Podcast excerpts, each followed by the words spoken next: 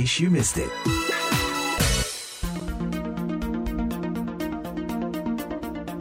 Inilah siaran VOA Indonesia dari Washington DC. Di masa pandemi, semakin banyak orang yang bermain sepeda bukan hanya sekedar untuk olahraga atau rekreasi, melainkan sebagai sarana transportasi agar dapat menghindari penggunaan transportasi umum guna menjaga jarak satu sama lain. Dalam In Case You Missed It kali ini, saya akan ngobrol bersama Sony Rafik, seorang warga Indonesia di daerah Washington DC yang sudah sejak kecil hobi bersepeda dan kini di masa pandemi merasakan berbagai keuntungan dari hobinya yang sehat tersebut. Halo Sony, gimana kabarnya? Baik, Ri, baik. Uh, gimana kabarnya, Ri? So far, so good. Gini-gini aja kita masih belum bisa ke mana-mana ya, masih harus... Iya, lebih banyak di rumah sekarang, kerja juga masih dari rumah ini. Kerja dari rumah, tapi beraktivitas di luar ya, yang penting ya? Masih, masih, ya, masih masih ada beraktivitas di luar. Boleh sedikit cerita nggak asal mula hobi bermain sepeda ini? Oh, jadi gini ya ceritanya suka sepeda itu sebenarnya dari kecil sih dari dari zaman SD ya. Jadi pas lagi kelas 4 SD itu saya kan ini disunat nih. Terus habis disunat kan biasanya kalau di di kita kan dapat duit banyak tuh, banyak yang ngasih-ngasih duit gitu. Saya beliin sepeda tuh. Saya beli sepeda BMX warna merah. Nah, dari situ saya uh, sering sepedahan lah. Jadi sama teman-teman tiap kali pulang sekolah mesti main sepeda gitu. Itu tiap hari. Dan Oh, itu alah. berjalan selama selama SD hampir karena saya dulu SD tinggal di kampung ya. Jadi bebas main tiap hari gitu. Ya ini kan, yang penting masa masa muda bahagia ya nggak sih mulai dari bermain sepeda dari kecil. Nah, itu se- sebenarnya dari habis sepeda BMX itu kan saya itu dipakai terus tuh. Saya sering eh, waktu kecil sama kakak saya juga dia pakai BMX juga jadi sering belajar trik-trikan gitulah, trik-trikan anak-anak kecil gitu. Sampai mungkin SMP saya masih masih juga kadang-kadang pakai sepeda. Nah, SMA saya eh, udah mulai eh, jarang pakai sepeda lagi karena saya tinggal sama nenek saya eh, agak jauh Mhm. dari orang tua dan eh, dari situ nggak pernah hampir bisa dibilang nggak pernah main sepedaan lagi sih sebenarnya. Udah udah lama gitu. Terus pas tahun 2008 itu saya ke sini ke Amerika di New Jersey mulai lagi ma- main sepeda tapi waktu itu cuman keliling komplek aja sih tahun 2008 itu. Nah tahun 2010 saya pindah ke California. Di Wah. California saya mulai ini mulai mulai kepikiran lagi. Aduh kayaknya saya pengen ini nih main sepeda lagi nih. Terus beli sepeda ini sepeda mountain bike nah mulai beli mountain bike dan mulai lagi nyo- nyobain sepedaan. Tapi karena di sana nggak waktu itu tahun segituan masih belum banyak orang yang te- teman-teman yang bisa diajakin main sepeda mountain bike. Jadi ujung-ujungnya lebih banyak sepedaan bareng keluarga aja gitu. Jadi bawa ke taman sama anak istri gitu. Iya iya Nah. apalagi kalau misalnya mengingat di California itu udaranya enak banget ya buat outdoor activity ya, maksudnya Iya, buat main all- sepeda, all- buat hiking. all year long. Iya, nggak ada tuh ujuk-ujuk menjadi dingin kayak di sekitar daerah Washington DC ini ya. Iya, iya.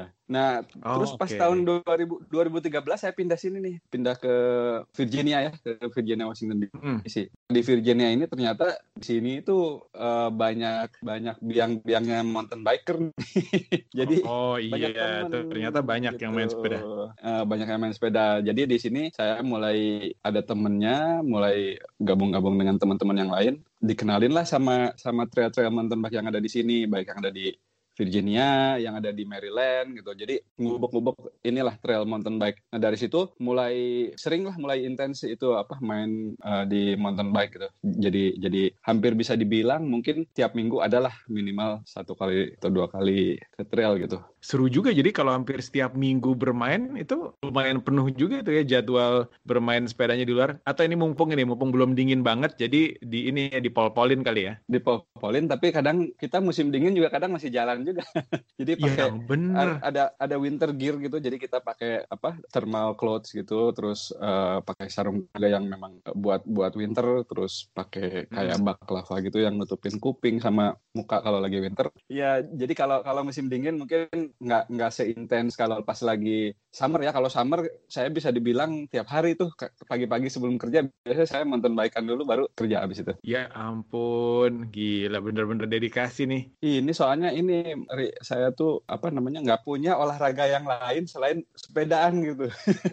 Mungkin olahraga yang lain yang saya suka itu sepak bola ya. Cuman sepak bola kan nggak bisa sendirian, mesti bersebelas orang baru bisa Iya. jalan gitu kan. Kalau nggak bisa nggak bisa semaunya gitu. Kalau sepeda kan ada temennya hayu uh, nggak ada temennya jalan sendiri juga hayu gitu tadi Sony udah sempet mention ketemu teman-teman yang juga doyan biking barengan sama Sony juga nih ini sekarang sebenarnya kalau buat Sony sendiri tujuan bermain sepeda itu lebih untuk kesehatan rekreasi atau justru uh, bersosialisasi. Jadi yang dinikmatin tuh kongkonya gitu, maksudnya babaturannya nah gitu kan pokoknya gitu kan rame-rame.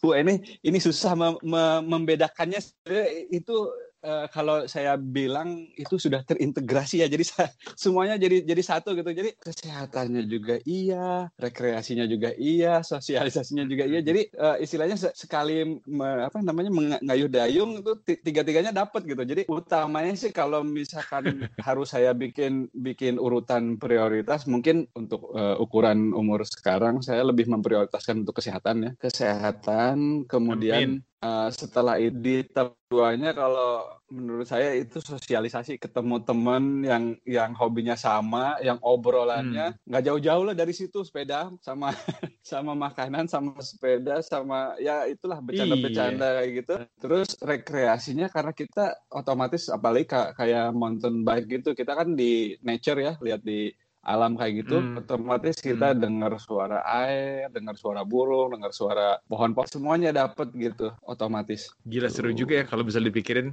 Wah itu good idea banget tuh. Sementara juga kalau misalnya giat bersepeda, itu kan jadi jadi capek, jadi lapar tuh kan ntar mentok-mentok makan juga kan. Nah itu. kita memang uh, awal-awal sepeda, sepeda, sepeda terus uh, sekali-sekali kita pikir gimana kalau kita habis habis sepeda kita uh, makan-makan gitu apa masak nah. masak di di di trail atau masak di di hmm. ada gazebo terus kita bikin makanan di situ. Akhirnya beberapa kali kita coba ternyata menarik juga dan lebih lahap setelah sepedahan terus makan. Jadi kita agak Wih, sering juga sih.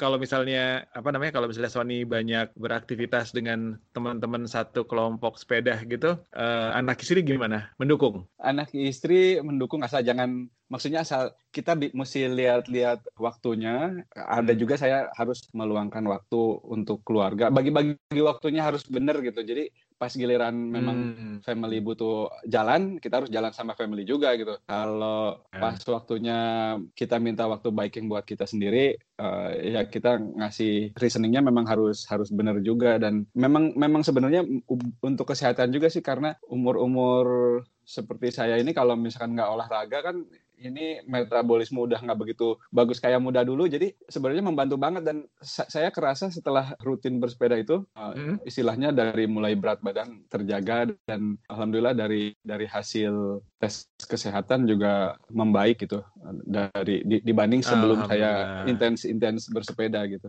Sementara itu apakah sekarang Sony tergabung nih dalam klub bersepeda nih? Nah ini uh, sebenarnya sih bukan klub resmi kali ya kita cuman sekelompok teman-teman yang memang memang satu hobi bersepeda aja. Jadi ada di Washington di sini ada ada kelompok yang memang hobi mountain biking. Ini hmm. namanya Capital Goes. Ini anggotanya Capital ada Goes, yang di, uh. ada yang di DC, ada yang di Maryland, ada yang di Virginia. Pokoknya yang di DMV ini kalau misalkan hmm. hobinya mountain biking, kita gabung di Capital Goes. Jadi kita sering ikut event juga, event kayak kalau ada epic ride di Montgomery County kita ikut di sana. Misalkan yang ikut yang 30 mile, yang berapa uh, eh, 40 mile gitu.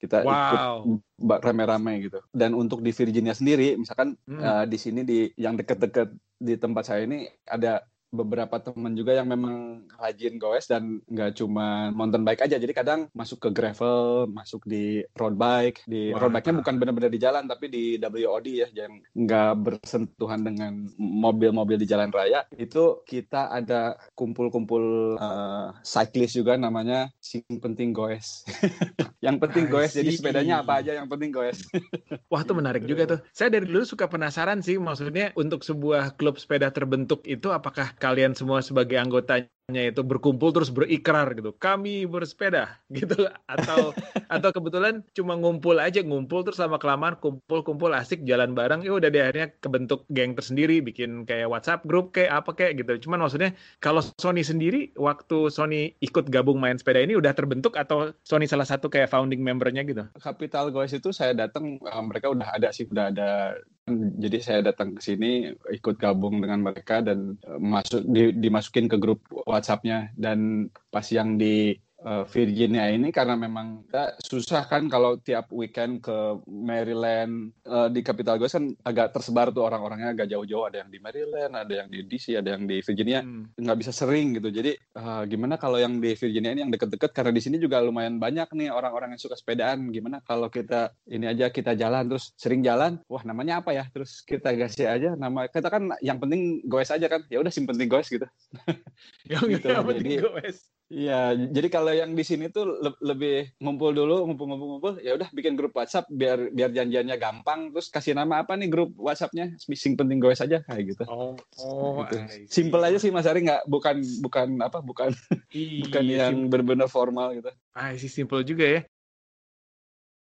karena kita bukan bukan istilahnya bukan benar-benar wah ini harus untuk member aja. Siapa aja boleh ikut. Jadi kadang ada yang bawa temennya siapa yang mau ikutan boleh-boleh aja. Seru-seruan aja. Kita memang santai bukan formal yang harus ikut aturan ketat gitu. Enggak asik. Ya. Sony berhubung udah hardcore dari dulu bersepeda ini sekarang eh, sepeda yang menjadi pilihan Sony itu apa sepeda pilihan. Maksudnya jenisnya atau gimana nih? Uh, jenis, merek, tahun, semua segala. Oke itu. Sekarang ini saya pakai sepeda mountain bike. Kebetulan buatan Indonesia, jadi saya uh, pakainya sepeda Polygon. Wih, di uh, cinta Indonesia. Cinta Indonesia dan uh, sebenarnya karena sepeda juga memang enak gitu dan pas dengan kebutuhan saya gitu. Jadi pas saya cobain ternyata enak juga ya. Ya udah saya beli terus saya pakai hampir mountain tiap mountain bike itu saya selalu pakai yang polygon itu dan uh, kalaupun saya oh sebelumnya saya pakai untuk untuk sepeda gravel saya pakai merek lain ada hmm? sepeda Giant dan okay. terakhir saya uh, dengar Polygon ngeluarin gravel baru nih saya cobain juga saya ambil yang Polygon untuk sepeda gravel ternyata enak juga. Jadi sekarang sepeda gravelnya Polygon sepeda mountain bike-nya juga Polygon. Jadi ada dua dua jenis sepeda yang uh, peruntukannya memang yang satu untuk sepeda di uh, rute gravel sama bisa masuk juga ke road bike uh, dan yang untuk mountain bike memang saya pakai khusus mountain bike merek Polygon juga Hmm, oke. Okay. Ya. Jadi total sekarang nih Sony sepeda ada berapa nih? Aduh, pertanyaannya udah mulai ngeri-ngeri sedap. Saya ada sepeda mountain bike, ada sepeda uh, gravel, ada sepeda lipat juga. Kalau sepeda lipat ini saya biasanya simpen di bagasi mobil. Asik. Jadi saya kalau misalkan lagi jalan ke mana atau lagi di kantor atau lagi di mana, pas tiba-tiba ada waktu, misalkan ah pengen cobain ini mau jalan di sini pakai sepeda, tinggal buka terang, unfold gitu terus pakai deh sepeda lipatnya. Asik. Nah, terus ada lagi satu sepeda cruiser, cruiser bike. Jadi ini sepeda pantai. Hmm. Ini cuman ini jarang agak jarang dipakai. Saya pakai pernah beberapa kali saya pakai di Virginia Beach. Kadang di sini juga keliling komplek pernah dipakai juga. Dan satu lagi sepeda hybrid yang uh, buat bonceng anak saya. Jadi anak saya biasanya kalau lagi jalan sore-sore saya tempelin di belakang buat bawa keliling-keliling gitu. Wih, seru banget. Cuman terus sekarang kalau misalnya ya kan kayak tadi gitu kan Sony punya sepeda lipat yang ditaruh di mobil jadi at any time bisa dikeluarin terus pokoknya bisa langsung bersepeda gitu kan untuk keperluan kalau misalnya mau mau sedikit apa sih mau sedikit cari angin lah istilahnya sore-sore kalau misalnya di kantor gitu kan udah udah mulai bosen gitu lah. Gimana nih, bagaimana hobi bersepeda ini bisa membantu atau berguna untuk Sony pada masa pandemi ini nih? Kalau buat saya sendiri sih sebenarnya sepeda ini beneficial baik itu di zaman normal maupun di zaman pandemi seperti sekarang ya. Karena sebenarnya sih sama aja saya agak ngerem sepeda itu cuma pas di awal pandemik aja karena memang masih kita belum tahu nih kondisi di luar kayak gimana. Jadi saya benar-benar uh, lockdown di rumah. Mm-hmm. tapi selama di rumah saya ada ada trainer ada bike trainer. Jadi masih pakai sepeda saya ditempelin di bike trainer. Terus ada appsnya juga pakai uh, smart trainer gitu. Jadi kita tetap uh, bersepeda di rumah uh, menggunakan trainer gitu. Terus pas lagi udah mulai kita ngelihat oh ternyata kalau misalkan olahraga di luar boleh selama tidak bergerombol, menjaga jarak dan saya pikir kayak pas lagi bersepeda di rute mountain bike yang uh, nggak terlalu rame, maksudnya kita ngelihat waktunya timingnya pas saat orang yang nggak begitu rame, saya jalan gitu jalan sendiri. Jadi aktivitas sepeda saya tetap masih jalan, tetap uh, buat saya beneficialnya mungkin itu salah satu yang mensupport kesehatan saya gitu. Jadi ini tetap penting karena saya kalau misalkan nggak sepedahan itu kayaknya ngerasa badan kayak gimana gitu kayak kurang seger gitu. Tapi kalau udah sepedahan kayaknya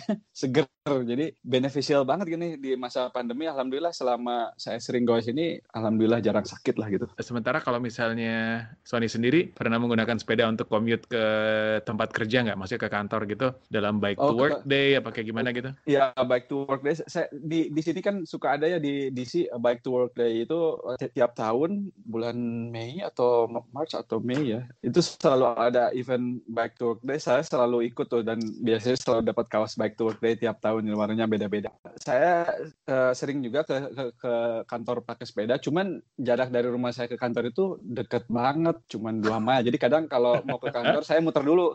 Oh gitu. Nyari nyari rute, rute yang agak jauh baru sampai kantor baru simpen di karena di di kantor juga ada locker khusus buat sepeda ya. Jadi sampai ke kantor masukin ke locker sepeda baru dikunci. Jadi sekarang kalau kalau sekarang sih karena udah nggak ada kerja di kantor, jadi pagi-pagi nih sebelum mulai ke muter dulu sebentar naik sepeda gitu. Baru abis wow. itu mandi terus mulai kerja gitu. Gila seru juga ya. Maksudnya kalau misalnya kalau saya sendiri sih kalau misalnya sampai tempat kerja saya cuma dua mile dari kantor sih ngapain juga naik. Harus naik mobil gitu mendingan naik sepeda aja orang naik mobil belum dengerin satu lagu juga udah nyampe.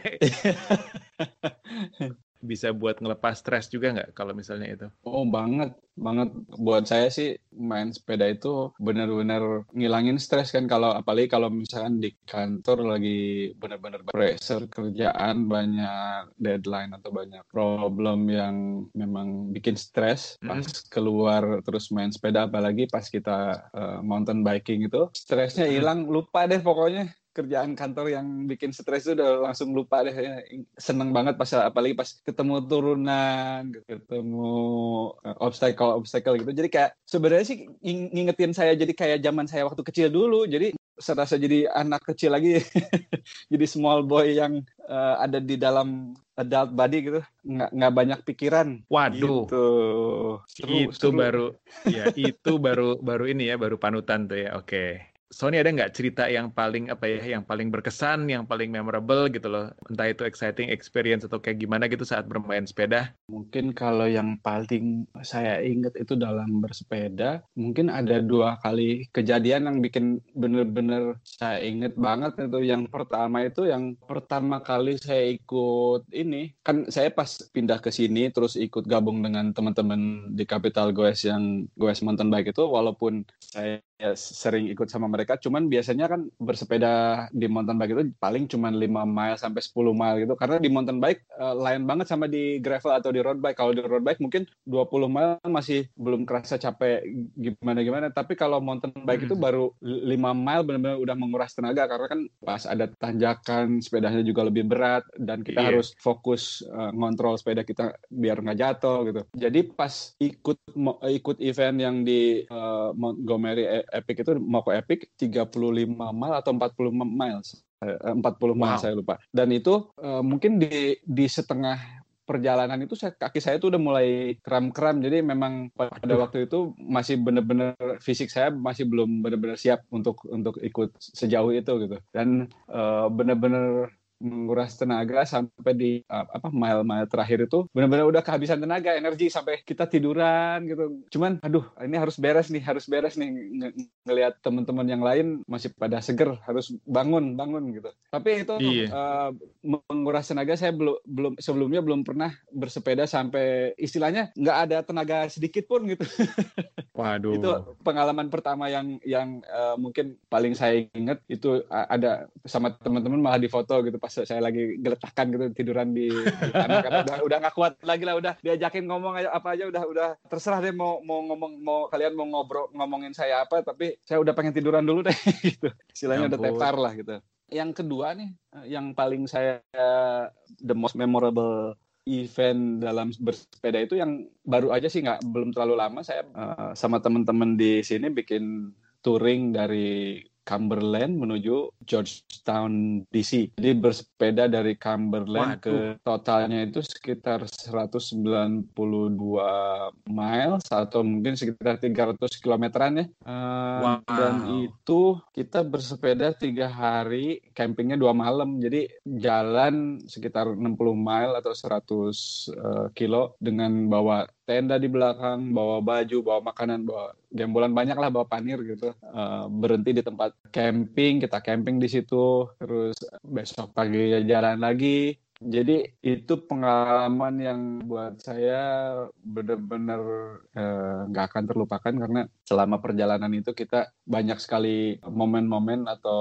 kejadian-kejadian yang menjadi pengalaman berharga buat kita semua yang waktu itu guys bareng gitu ikutan bersepeda bareng. Ada yang sempat kejadian jatuh, ada yang ban pecah, ada yang kehabisan air. Seru lah tapi itu jadi benar-benar jadi pengalaman berharga dan mungkin jadi membuat kita bikin kita yang yang uh, ikutan bersepeda waktu itu jadi saling tolong menolong, saling support gitu, seru gitu, jadi uh, menarik pengalamannya sementara kalau misalnya buat oke okay, buat buat tidur bisa berkemah. Kalau misalnya buat makan gimana? Masak sendiri atau oh, apa iya, kalian berburu?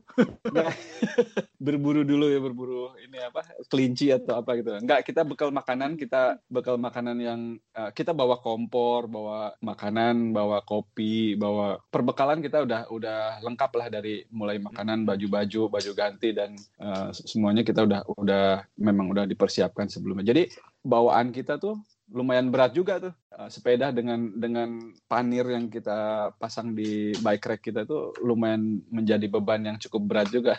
Jadi kita udah uh, jaraknya jauh dan ditambah dengan membawa beban berat gitu. Tapi alhamdulillah semuanya selamat sampai tujuan gila luar biasa ya itu itu udah kayak adventurir bersama teman-teman yang yang benar-benar membina ini membina kekompakan terus kita juga benar-benar ini kan benar-benar istilahnya kalau misalnya saya pernah mendengar ada istilah itu sebuah trip seperti ini sebuah petualangan entah itu hiking apa camping atau biking gitu itu bisa make or break a relationship. Jadi orang iya. tuh bisa benar-benar apa tahu itu, siapa banget, itu ya. sifat aslinya tasnya kan kelihatan dan kita bisa benar-benar kerja sama untuk benar-benar survive gitu bener nggak? Iya bener bener banget karena kan kita mungkin hari hari pertama kita masih seger-seger ya masih ceria gitu masih uh, mungkin masih bisa berpura-pura kalau misalkan kita sama teman kita berpura-pura baik itu masih bisa berpura-pura baik tapi kalau udah hari kedua hari ketiga di mana energi kita udah habis banget nih ah udah pokoknya udah istilahnya kalau orang itu selfish uh, apa hmm. egois hmm. dengan dirinya sendiri pasti udah nggak mau mikirin orang lain ini misalkan ada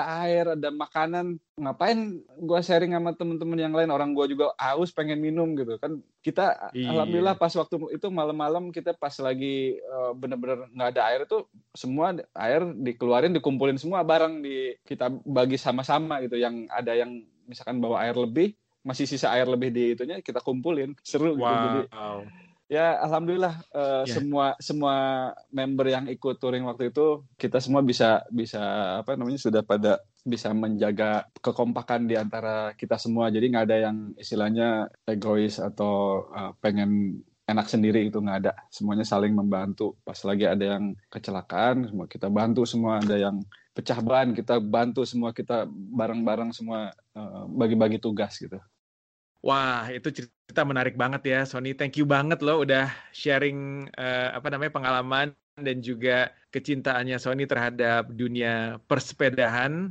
By the way, ada satu lagi nih. Kalau misalnya Sony bisa kasih satu tip aja untuk teman-teman di Indonesia yang emang sekarang lagi hobi biking, lagi hobi kumpul-kumpul, uh, jalan ke mana gitu apa yang satu hal yang Sony pengen pengen mereka tahu kalau mau sepedahan rame-rame yang penting apa gitu mungkin kalau zaman seperti sekarang mungkin walaupun kita sepedaan rame-rame yang pasti tetap uh, aware dengan jaga protokol kesehatan ya dan kita semua kalau mau gawes bareng jaga kebersamaan kekompakan dan yang pasti yang satu hal yang mungkin buat saya nih penting banget nih, helm, pakai helm gitu. Itu karena iya bener. Safety karena, ya. Eh, safety safety first. Uh, apa pun itu helm itu penting banget gitu. Karena saya pernah lihat beberapa teman kejadian istilahnya di tempat yang saya pun pernah kejadian sekali gitu. Yang nggak kayaknya ah ini mah gampang ini nggak bakalan jatuh ini jatuh dan hmm. itu uh, kepalanya kebentur kena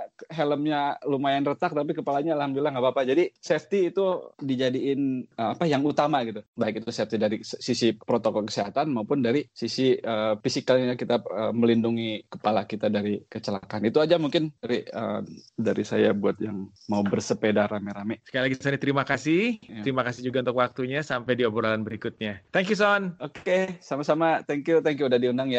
Demikianlah obrolan VOA bersama Sony Rafik, seorang peminat olahraga bersepeda di Washington DC. That was his story in case you missed it.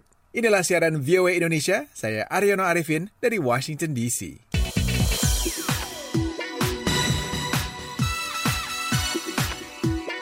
case you missed it.